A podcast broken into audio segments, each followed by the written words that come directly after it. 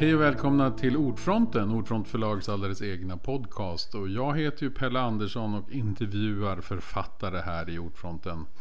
Idag ska vi träffa John Ajvide Lindqvist. Hej John! Hej Pelle! Och du har precis skrivit och gett ut skriften I vattnet Blodstormen 1. Så är det. Mm. Och den vet vi alla att den har en speciell tillkomsthistoria. Ja. Mm. Vi ska väl inte orda så mycket om det. Nej, vi har ju sagt att vi inte ska det. Nej, men eh, den är i alla fall skriven som från början var det meningen att den skulle vara en del i en mycket känd eh, deckarserie. Mm. M-ordet som vi säger. Precis. Mm. och, eh, och jag, jag, refererar alltid till, eh, jag pratar om Möcke och Lösbert.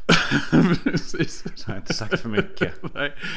Men... Eh, Just... Vad min sons idé för övrigt, det att sätta in ö på alla. Gudboken fast det bara, alla, alla vokaler är ö i, i namnen. Ja. Men att liksom börja skriva eh, deckare eller thriller. Mm. Måste man ändra mycket på sitt normala sätt att skriva? Händer det något med själva skrivandet? Nej, det, Nej. Alltså, det exakt, var exakt likadant. Skillnaden var att det gick så fruktansvärt bra. Mm. Och att det gick så oerhört fort. Jag skrev färdigt den på tio veckor ungefär. Mm, det är ju helt otroligt. Ja, men det var jag satt på Kuba och jag hade skrivit färdigt min roman eh, Vänligheten. Och hade fått det uppdraget att provskriva i M-ordet. Um, och det var, det var så jag skrev färdigt vänligheten sedan 715 eller någonting. Klart, mm. pang. Sen gick jag ut och rökte en cigg på balkongen, drack lite kaffe. Och sen satte jag igång med den här med skriften i vattnet. Och det var liksom, jag hade ett tempo på liksom snittade 10-12 sidor per dag under, mm. under fem veckor. Och det blir mycket då. Mm. Jobbar även lördagar. så att den, den bara rann ur mig den här. Men tror du att det har att göra med att det är... Alltså vad är det som gör att det är lättare att skriva den här typen av bok än det du annars gör? Alltså vad är det som drar iväg med dig? Um, jag skulle säga att kanske att det här var mycket mer inriktat på handling, på mm. action, mm. på uh, jag brukar upptas av existentiella spörsmål i högre grad än vad jag har gjort i den här boken. Mm. Även om jag det reflekteras en del kring Thomas av Aquinas. Mm. Uh, så. Jag, jag, tror att det var att, att, den är så extremt handlingsinriktad. Mm. Som gör att det blir, vad händer sen, vad händer sen, vad händer sen? Mm. Sen naturligtvis så ju, jobbar jag med karaktärsteckning och vad människorna förhåller sig till världen, vad de tänker på, funderar över, är upptagna av. Men jag tror att det är just det att det är så extremt handlingsinriktat gör att det gick väldigt lätt att skriva den. Mm. Den nu Blodstormen 2 som jag håller på med nu, det är en mer komplex väv egentligen. Mm. Att den är mer en whodunit det är som en, en mordgåta som går baklänges. Mm. Ja. Men då är det också så att, ja men förstås, karaktärer, allt det där, det, det är mer som vanligt. Mm. Ja. Och i det här fallet så hade jag ju då två existerande karaktärer, eller flera existerande karaktärer. Så jag behövde ju faktiskt in, jag behövde inte ägna någon tid åt att uh, att skildra de här eller förklara deras bevekelsegrunder, vilka de är, deras bakgrund. Det var ju givet sedan mm. ett antal böcker tidigare. Mm. Vilket gjorde att sen när det inte blev M-ordet Eh, så det tog mig dubbelt så lång tid att skriva om den som mm. det tagit att skriva den. Mm. För att, att först behövde jag ägna massa sidor åt att introducera två nya huvudpersoner. Och deras, de här personernas karaktärer var jag tvungna att vara något lika de som var i den tidigare boken. Mm. Men ändå ville de, de ville verkligen att de skulle vara helt egna dessutom. Mm. Och det tog tid att tänka ut mm. hur jag skulle kunna distansera mig rejält ifrån den gamla boken. Och hur kom de till dig då? Kim och, och Julia. Hur, hur, hur hittade du dem? Ja, Fick man gå och springa omkring och leta länge? Nej, de kom faktiskt ganska snabbt. Mm. När jag väl hade bestämt mig för att i motsats till den, den tidigare bokserien då så det, det, var, det var liksom hela lösningen för mig. Jag kom på, okej, okay, nej, det är tvärtom här. Det är en äldre kvinna och en yngre man. Mm. Och där så löser sig väldigt mycket själv. Alltså när jag kom på dessutom att okej, okay, men hon är deckarförfattarinna, hon är före detta polis. Bra, då har jag en anledning så att, att hon på något vis kan dras in i utredningen. Och ja, och hennes före detta make är, är spaningsledare. Mm. Ja, och, det, ja, och sen, sen, kunde jag använda liksom den centrala intrigen i den, gamla, i den tidigare boken. Mm. Men ändra oerhört mycket liksom runt omkring. Um, men hur de, det där vet jag väldigt sällan egentligen hur människor har kommit till mig. Um, de kommer ofta av nödvändighet som en konsekvens av den handling jag har tänkt ut. Mm. Att jag sitter och funderar och gör anteckningar kring de här människorna. Deras bevekelsegrunder, deras bakgrund, deras eh, egenheter. Och de, de är ofta liksom eh, svamparna som sticker upp ur grundhandlingens mm. mark. Mm. Eh, men jag minns inte riktigt hur Julia och Kim kom för mig. Nej, för du brukar också säga att du har de här bilderna som du har liksom skrivit och som sen bygg, själva romanen blir det hus där du ska hänga upp dessa tavlor. Ja, men det är en ganska bra bild ja. för att skriva, skriva böcker. Var det samma sak den här gången? Blev det så? Eller, för det känns som att du har skrivit den i ett mycket hastigare tempo. Så att det liksom, oh. ja. Oh. Uh, nej, Fanns det då en massa tavlor du skulle hänga upp? Eller det, kom de vartefter? Nej, nej, men i det här fallet så var ju tavlorna inte så mycket stämningsbilder. Eller, det, var, det var ju framförallt ett gäng rent ut sagt actionscener. Mm. Uh, en till exempel på en oljerigg, en på Shanghais gator. En den i Shanghais gator är ju helt fantastisk. Ja, visst är den kul. Det är så här spökhus med levande skådespelare i Shanghai. Jag har varit där själv i det, det spökhuset i Shanghai. Uh, det ligger inte exakt där, men mm. Eh, nej, jag hade egentligen en central handlingslinje med ett antal komplikationer. Jag hade mycket mer hela, här hade jag en hel bok skriven innan jag mm. började skriva om den. Mm. Men även när jag skrev den första gången så den gav sig själv så fruktansvärt mycket. Mm. Sen hände det, sen hände det, sen hände det. Det här är verkligen boken som jag har skrivit som om jag var dess läsare. Mm. Vad hände sen då? Vad hände sen då? Uh, och det, det, pusselbitarna bara låg utslängda och bara klickade ihop magnetiskt mm. i sig själva. Mm. I, nej, det gör de inte, men i varandra men, däremot. Ja. ja. Um, så att den här boken, jag har, jag har väldigt svårt, den, det, det, är så här, jag vet Stephen King, men jag, jag, jag använder narkotika, men jag vet Stephen King, han, han, är han kommer inte ihåg att han har skrivit Cujo till exempel. Nej. En av hans stora böcker, men det var mest för att han var så koxad. eh, men den skrev han också fruktansvärt fort. Och det är lite så här, jag, jag, jag, kan inte riktigt, jag förstår inte riktigt hur hur jag fick ihop den här boken. Men kände hur det gick till. Tror du att det kommer vara lika lätt att skriva Blodstormen 2? Nej, är det, så? Nej. det är det jag håller på med nu. Mm. Och den är som jag sagt, dels är den krångligare väv. Alla, alla moment i den här utredningen som så att säga går bak, man hoppar bakåt. Så här, men gud, hur kunde det bli så här? Och så hoppar vi lite bakåt i tiden och förklarar alla smarta grejer som Kim har gjort. Mm. För att det här läget som nu råder ska kunna uppstå. Mm. Eh, så den, den är krångligare. Eh, den är, nej, den är inte alls lika lätt att skriva som den här. Så det går bra men... Blir det mera liksom synopsis-tänk då? Eller det har du det alltid i huvudet? Uh, nej, det blir lite mer synopsis-tänk i den här. Mm. Men jag får ju alltid pest. Jag sitter ju, jag sitter ju så här. Ja, jag skriver mina anteckningar. Idag ska jag bara anteckna. Mm. Nu, nu, nu ska vi bara tänka ut här. 20, 30, 40 sidor framåt. Precis vad som ska hända. Och så sitter jag och tragglar en stund och kommer på ett par grejer. Och så nej jag orkar inte längre, nu kör vi. och så börjar jag skriva istället för att se vad som händer. Ja. Um, men eh, jag tror, jag tror ehm, jag tror den här blir, jag tror den blir jättebra tvåan.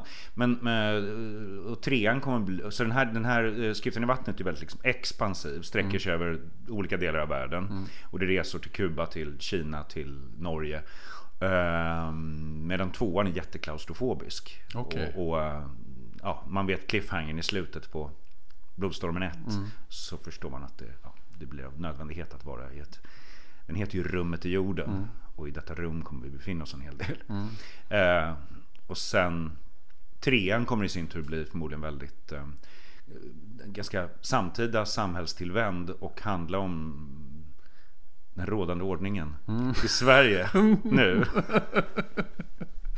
ja, och då är det när man tänker nu när du får skriva och tänka att du ska skriva en hel trilogi. Det har mm. du faktiskt inte gjort för. Alltså du har ju skrivit en trilogi förut. Ja. Men den var inte heller lika uttänkt från början. Nej, nej, gud nej. nej. Och hur känns det då att veta att du har alla de här sidorna framför dig? Är det både lite jobbigt förstås kanske. Mm. Men är det också eh, ganska härligt att kunna spela med, med så mycket framåtperspektiv? Mm. Vet att här kan du placera något. Här, det här ska plockas upp i nästa bok. Mm. Det här lägger jag ut här. Och jag vet att jag kan plocka upp det i trean. Eller mm. Nej men så är det verkligen. Det finns grejer som är planterade i, uh, i den första boken här nu. Mm. som är där bara för att det egentligen är, som är väsentliga för den tredje boken egentligen.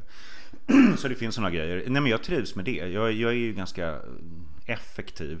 när, när jag kommer över den här morgontröskeln med skrivandet. Mm. Där jag bara tror att det här är omöjligt. Vad fan. Det är bara kör som blinkar och så här, nu, nu ska jag hitta på grejer. Jag kan inte, vad, jag kan inte hitta på, vad ska jag göra det för? Jag kan Mm. inte. Och sen börjar jag skriva några meningar och sen så börjar det i bästa fall ramla, ramla vidare. Men det, jag, jag var jag är glad åt, jag är glad åt att från början kunna kalla den här för Blodstormen 1.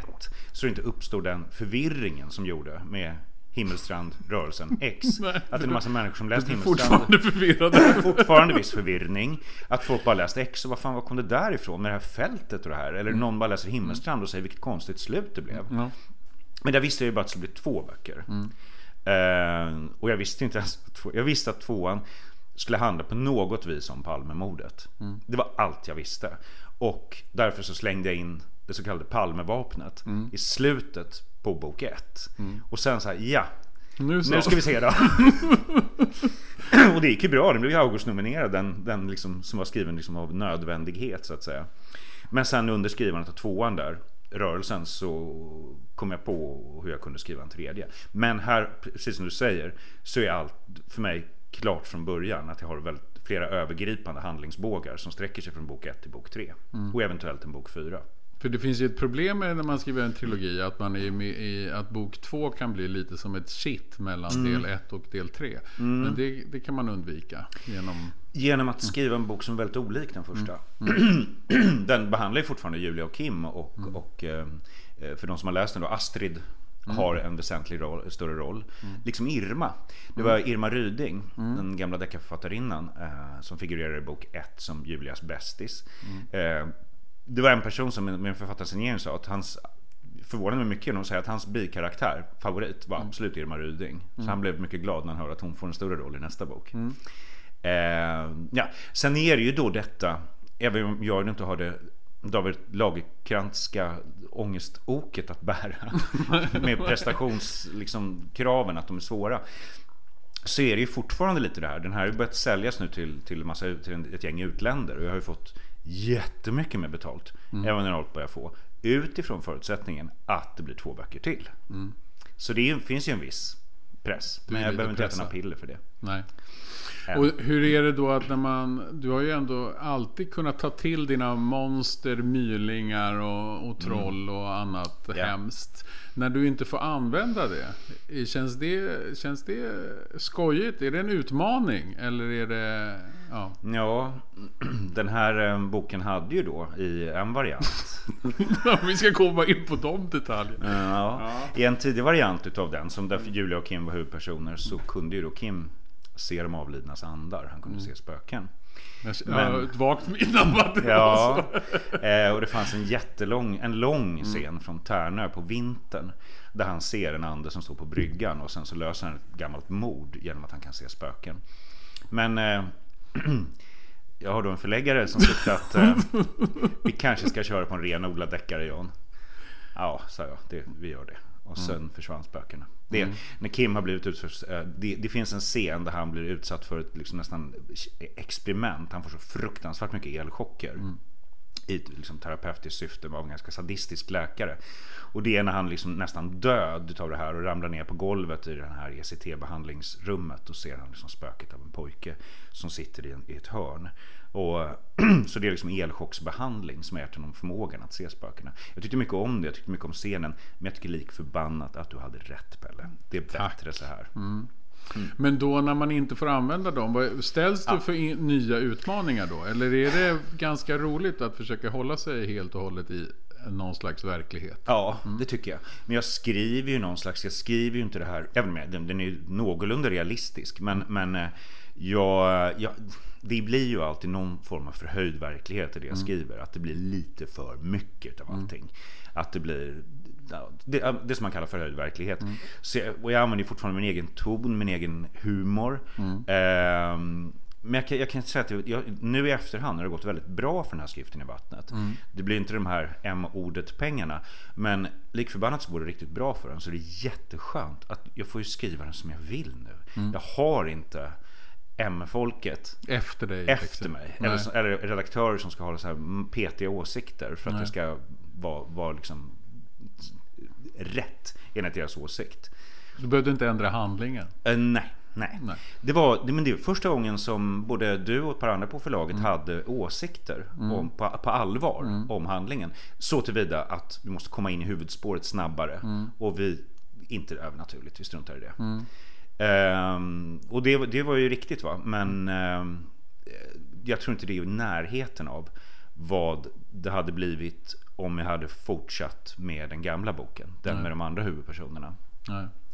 Så jag, och det, och det, så jag tycker det, när det nu har blivit så här så tycker jag det är skönt. Jag behöver inte de här Joakim von Anka-pengarna. Nej. Och hur, när man då ska... Även om det är lustigt, jag måste bara säga, det är Ja. ett par recensenter som har tagit upp det här. Att det är liksom, ja men det är bra, nu har Arvid äntligen börjat skildra sin egen miljonärstillvaro. Jag tror det finns en överdriven uppfattning om hur mycket pengar jag har. Hur som, jag och min hustru har ett företag, vi har råd att betala ut lön i tre år. Men, så, det är ju jättebra, fantastiskt att den tryggheten. Men skulle jag inte få några mer pengar under den tiden, sen skulle det vara slut, sen skulle jag inte ha några mer pengar. Så att, det är där. Du Men är sen, tvungen att skriva. jag är tvungen, ja gud. Men det faktum att Skriften i vattnet faktiskt har gått så bra gör att jag kanske inte behöver skriva filmmanus om jag inte vill. Nej. Egentligen. Eller tv-manus. Bara för att det är så inkomstbringande. Utan jag kan bara skriva böckerna. Det är jättebra. Och det här med Julia och Kim. Mm. Alltså när, man, när du hittade dem och liksom ville skriva om dem.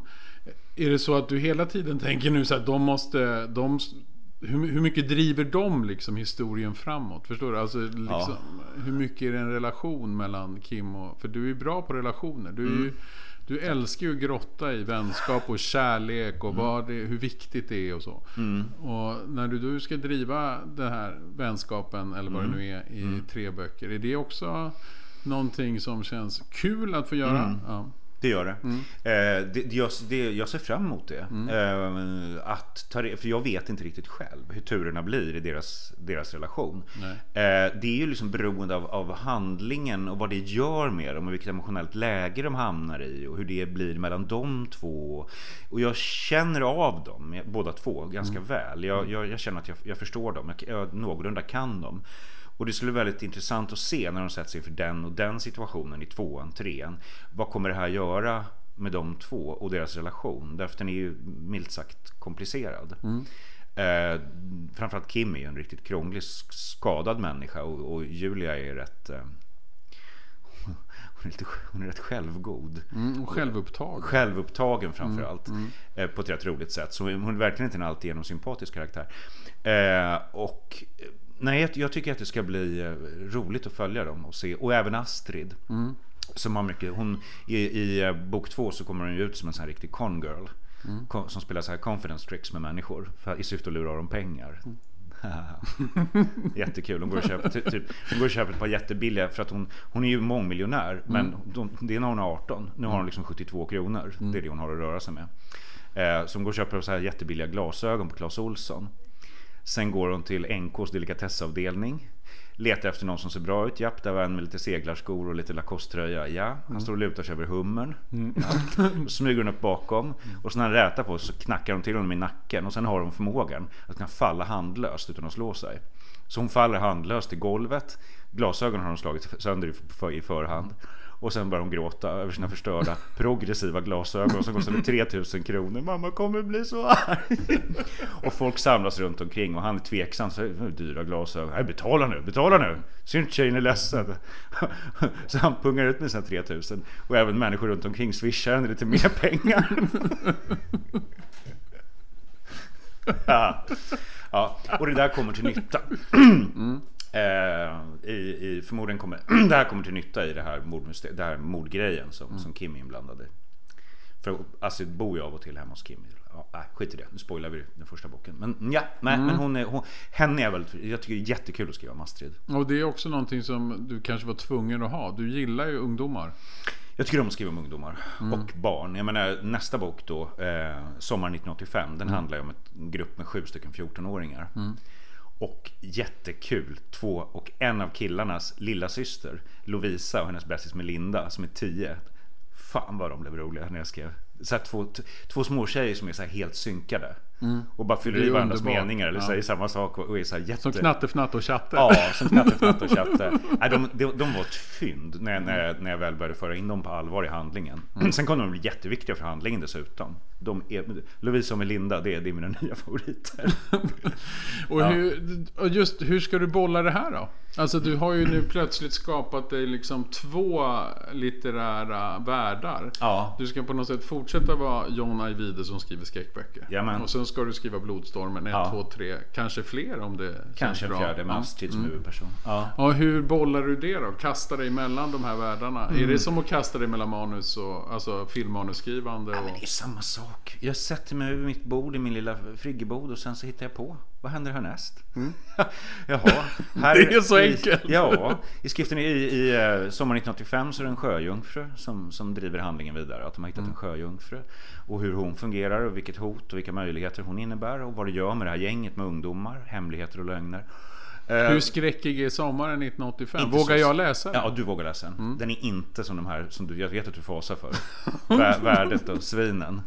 Eh, jag får se. Jag, jag tror tyvärr då, för värdet har jag flaggat för ett tag som är helt fasansfull. Som du kommer tycka är bedrövlig att Mm. Läsa. Mm, vidrig att läsa. Eh, men jag tror jag gör Blodstormen färdig nu. Två och tre också. Men Mm. Och sen, sen, sen blir det värdet Pelle. hur mycket har du kvar på värdet? Jag har väl skrivit kanske 70-80 sidor. Den kanske blir 200. Mm. Något sånt. 200, vid, 200 sidor vidrighet. Yes, men så har du svinen också. Mm. Den, den är på 80-90 och den är klar och den är också hemsk. Vilken är hemskast? Värdet? Värdet, värdet är hemskast. Svinen är, min son tycker att det är i särklass den roligaste. Jag får läsa dem med solglasögon på. Eller så här som man tittar på bio först, man håller händerna upp när en glipa bara när man läser. ja, Nej men berätta lite mer om sommaren 1985. För den är ändå den som kommer snarast. Kan man det säga. är nästa Efter- bok som kommer. Ja. Förutsatt att du gillar den, du har inte Ja. fått den ännu. Jag ska, måste redigera den lite först. Ehm, ja, nej men det är då, den inleds med orden, det var den sommaren. Sommaren 1985. Live Aid-sommaren. Och Live Aid har liksom en, en eh, viktig eh, roll i handlingen och ungdomarna på den här ön, Särsjö, som är då eh, tre tjejer och fyra killar. som allt, liksom, sen de var mycket små så har de varit det här gänget på sju personer som umgås. Och sommaren 85, det är sommaren då alla utom Ville har fyllt 14. Och relationerna mellan killar och tjejer börjar bli mer aktuellt som en grej. En av tjejerna har blivit väldigt snygg under, under som vintern. Då blir det så, oh, och två av killarna blir, börjar tuppa sig och dona liksom så fort de kliver av färjan. När de är nere och möter dem. Och sen ska killarna liksom tuppa sig ytterligare. De ska lägga till vid svärtan. Där ingen kan lägga till. Det går inte för det är bara klippor som det är som att hela ön har ignorerat istiden. Så det är så här vassa klippor som bara sticker rakt upp. Mörka klippor, ingenting växer där. Ingen lägger någonsin till för det går inte. Men de lyckas i alla fall kila fast i kila fast kilar i klippor som klättrar 10 meter upp för en bergvägg. Liksom. Ehm, och där så får de syn på en, det är som att se att det är som en lagun där borta. Och tre av killarna blev genast associerade till den blå lagunen och Brooke Shields. Oh, Åh, nu händer det grejer. Ja, nu jävlar händer det grejer här. Och de måste genast iväg och undersöka. Och huvudpersonen Johannes tycker de är helt dumma i huvudet. Tror du att Brooke Shields ska sitta där? Hon var ju bästis som Michael Jackson. Hon är förmodligen på Neverland, inte här. Men så skymtar han en fiskstjärt då, nere på en stor fiskstjärt. Nere på en stenstrand på andra sidan. Och alla, men alla de andra är liksom upptagna av Brooke Shields. Men, men han, han klättrar ner där och där upptäcker han då att det ligger en sjöjungfru. Som någon har knutit fast i klippan så att hon inte ska kunna komma ner till vattnet. Och hon är döende. Så han samlar vatten i sina kupade händer och häller över hennes gälar. Till slut så lyckas han kapa repet och släpa ner henne i, i vattnet. Liksom. Och sen, ja, sen händer det grejer. Vad fint. Mm. Hur många sjöjungfrur har haft liksom, en viktig del i, i romankonsten? Jag vet inte. Mm. Jag, jag tror att det är lite som enhörningar. Det, det, jag tror det finns lite en subgenre. Jag tror sjöjungfrur är lite... Mm. Jag har aldrig läst någon roman men jag tror att det finns ett gäng alltså. Speciellt för unga vuxna. Den här, den här drar möjligen lite åt unga vuxna Mm. i tonen. Det, det är möjligt. Men den är skriven för vuxna. Men det, ja, jag, jag tror lite yngre kan tycka om den också. Mm. Och det, det skildrar ju ett gäng 14-åringar. Så att, Och där får du lite av ditt liksom, lystmäte med ungdomar Ja. stillat för en stund. Ja, och det är ju roligt. Liksom, den åldern när känslorna svallar så jävla hårt. Och man kan bli så jävla arga på varandra och man liksom går isär och, man, "Öh, äh", och sen så blir man kompisar igen. Och När man är förälskad eller osäker på sin sexualitet. Alltså när man, när man, när man formas, när man blir den, den man är avsedd att, att vara. Eh, det är väldigt roligt att skildra den, den perioden i livet, 13-14 Mm. år. Jag tycker om det. Plus jag tycker det är kul med, med just, just det här med vassa småtjejer är roligt. Som Alva i, i, Vänligheten. Mm. Eller Lovisa och Melinda i den här. Ja, ja nej.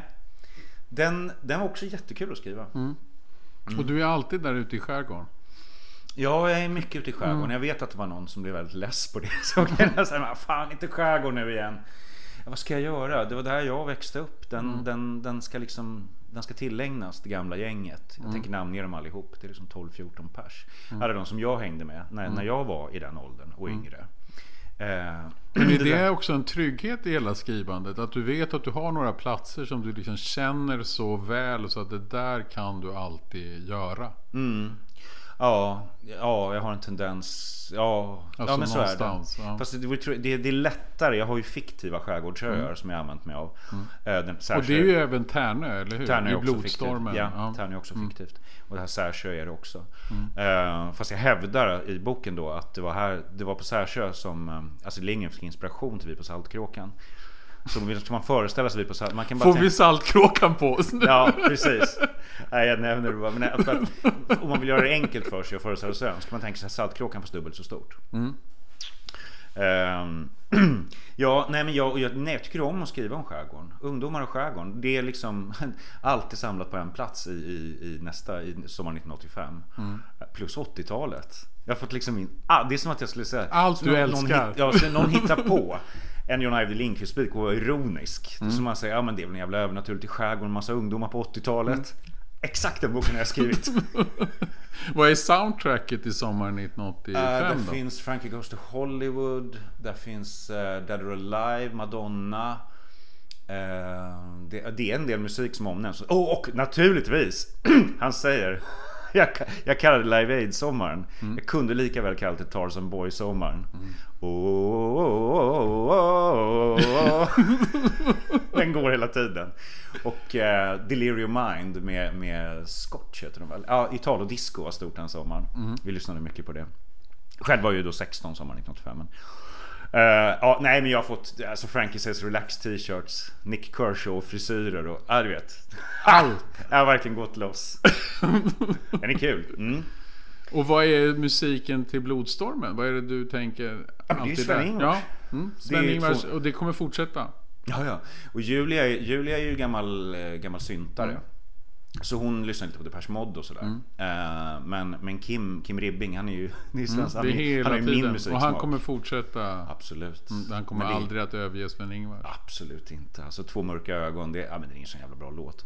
Ehm, men det kommer in, det kommer in en, en kvinna i handlingen i bok två, Johnny Munter, träffar Ja. en kvinna. Och vad härligt för honom. Ja. Man tycker ju lite synd om Ja. Johnny i Blodstormen 1. Ja, det är lite synd om Alltså honom. Julia Malmros före detta man. Exakt. Men han träffar en... Det är en, bra att han heter Munter också. Ja, visst han- är det. Han är rätt dyster. Dystraste vi har Och sett. försöker bättra på sin allmänbildning. Sitter och Ja. läser Dostojevskij. Sådär. Ehm, ja, nej men han träffar en forensiker. eh, I bok två. Eh, som är gammal punkare. Från början. Så vi får se vad det blir med henne. Ja. För Julia då kommer att, kommer att han alltså då ha även en roll där då? Johnny Munter, ja. ja. han Absolut. kommer att leda en Oh, ja. ny polisutredning Jajamän. som, ja. Riktad eventuellt mot Kim Ribbing. Mm. Är det? Det är du. Mm. Men Jonny, va, va, vad hittar du Jonny? han, är, Ingen han är ju så speciell. Jag- nej, det Man var tycker bara- ju synd om honom lite. Jag behövde, känner- ha, jag behövde ju ha in Julia här. Mm. Jag, måste få Julia att liksom kopplas till utredningen på Mm. något vis. Och det, sen visst så, så sker ju den här massakern på skärgårdsparadiset precis Mm. intill hennes ö. Ehm, men jag, jag behövde att hon skulle ha en väg in i utredningen och där, därmed kom jag på att hon var före detta polis och att hon hade varit gift. Och att det var Det var väldigt, väldigt praktiskt. Johnny Munter han växte fram helt organiskt. Från att eh, jag började påminna om den här döde geologen är väl, Edvard Dahlberg, i precis. början. Att det här fanns. Eh, han som Det gamla fallet. det gamla fallet, han som hade försvunnit i Norge. Eh, och då så här, men nu ringer Jonny då. Nu får vi se, så får vi, så får vi se hur han är. Och så börjar Jonny prata. Och, och i samband med hur han pratade, vad han sa, så började det bara en bild av en människa växa fram. Och sen var det bara utveckla den lite. Och Jonny kommer ha kvar, nu har jag tappat faktiskt namnet på hans kollega som också är med. Ceci, Ceci, nej, vad heter Carmen Sanchez. Ja, just det. Och Carmen. Christopher Adler. Ja, de är också med. Hela De är också med nästa, ja. Så du har kvar liksom det stora persongalleriet Ja, där. Ulrika Boberg kommer nog inte vara anledning att vara med. Men hon som har sån exakt ordningssinne. Men eh, nej, nej, det, det blir, det blir med, samma persongalleri fast med, med några tillskott. Mm, och få fördjupa deras relationer också då på Ja, något sätt. vi kommer nog få träffa Carmen Sanchez hund som är, som är omnämnd i ettan. Och hur mycket kommer vi vara ute i skärgården i tvåan då? Ingenting. Nej, ingenting. Vi är i det där mörka rummet i källaren. Ja, det är mycket det. Och, Rummet i jorden. Mm. Ja, rummet i jorden. Eh, plus då att, att Julia kommer börja, av olika anledningar, så kommer hon börja forska i uh, sandsvenskarna. Mm. Det här liksom, högerextrema partiet som är långt till höger om SD. Liksom. Mm. Mm. Ja, det känns som att du har huvudet fullt. Jag har huvudet fullt. Mm. Ja. Men det ska bli kul. Jag har, som sagt, jag, egentligen skulle jag skulle bör- börjat skriva om mitt eh, filmmanus Magiska världsrådet. Mm. Och producenten hade massor med åsikter. Helt vettiga åsikter. Men jag kände att jag kan säga nej, men nå- någon annan får göra det. Mm. Jag, jag vill skriva de här böckerna nu. Vad härligt. Mm. Härligt för oss. Ja, eller hur? Tänk att allt det här stöket som du har haft bakom dig. Hur känns det nu då? Med att det, var ju ändå, det har ju ändå varit lång, mycket elände hit och dit. Vi behöver inte gå in på några detaljer nej. överhuvudtaget. Men känns det befriande nu att det här Ofantligt. rullar? Ja. Ofantligt. Jag är så glad att det går så bra för den här boken och så många tycker om den. Och den här, jag, blev, jag har aldrig blivit så glad för något sånt där tidigare. När jag blev nominerad till Årets kriminalroman. Mm. Det var ett sånt starkt kvitto på att den här står sig jättebra på egna ben. Mm. Den, jag behöver, behöver inte den där serien för att det ska funka. Eh, och sen tyckte jag, tycker jag, jag håller på och läser Skred nu, den Mm. som vann. Jättebra bok, ingen skam att förlora mot den. Men jag blev så jäkla glad över nomineringen. Ja. Ja, det får vi hoppas att det håller i sig. Men Mm. alltså folk har ju varit otroligt glada i den här boken. Ja, Alltså det är ju fantastiskt skojigt. Ah, det är jättekul. Ja, nej, så det känns som en otrolig... Och då är det också extra kul kanske att skriva på tvåan och tänka att man ska skriva en trea. Ja, ja, gud, oh, alltså, ja. Man får den reaktionen. Såklart. Jag vet inte, hade, hade folk bara tyckt att den här var kass och ingen hade köpt den. Då hade okej, ja, nej det blir inga fler. Alltså, jag vet inte, eller så hade jag kanske satsat på att försöka göra tvåan bättre. Jag vet inte. Men det känns som en, om inte revansch, så i alla fall en stor lättnad. Att den här har tagits emot så väl. Det är väldigt skönt. Ja, ja, vi är ju väldigt glada också. Mm, Det alla är glada. Ja, alla är glada. Ja, Underbart John! yeah, Pelle. Jag tror att vi kan avrunda där. tycker jag vi kan. Ja.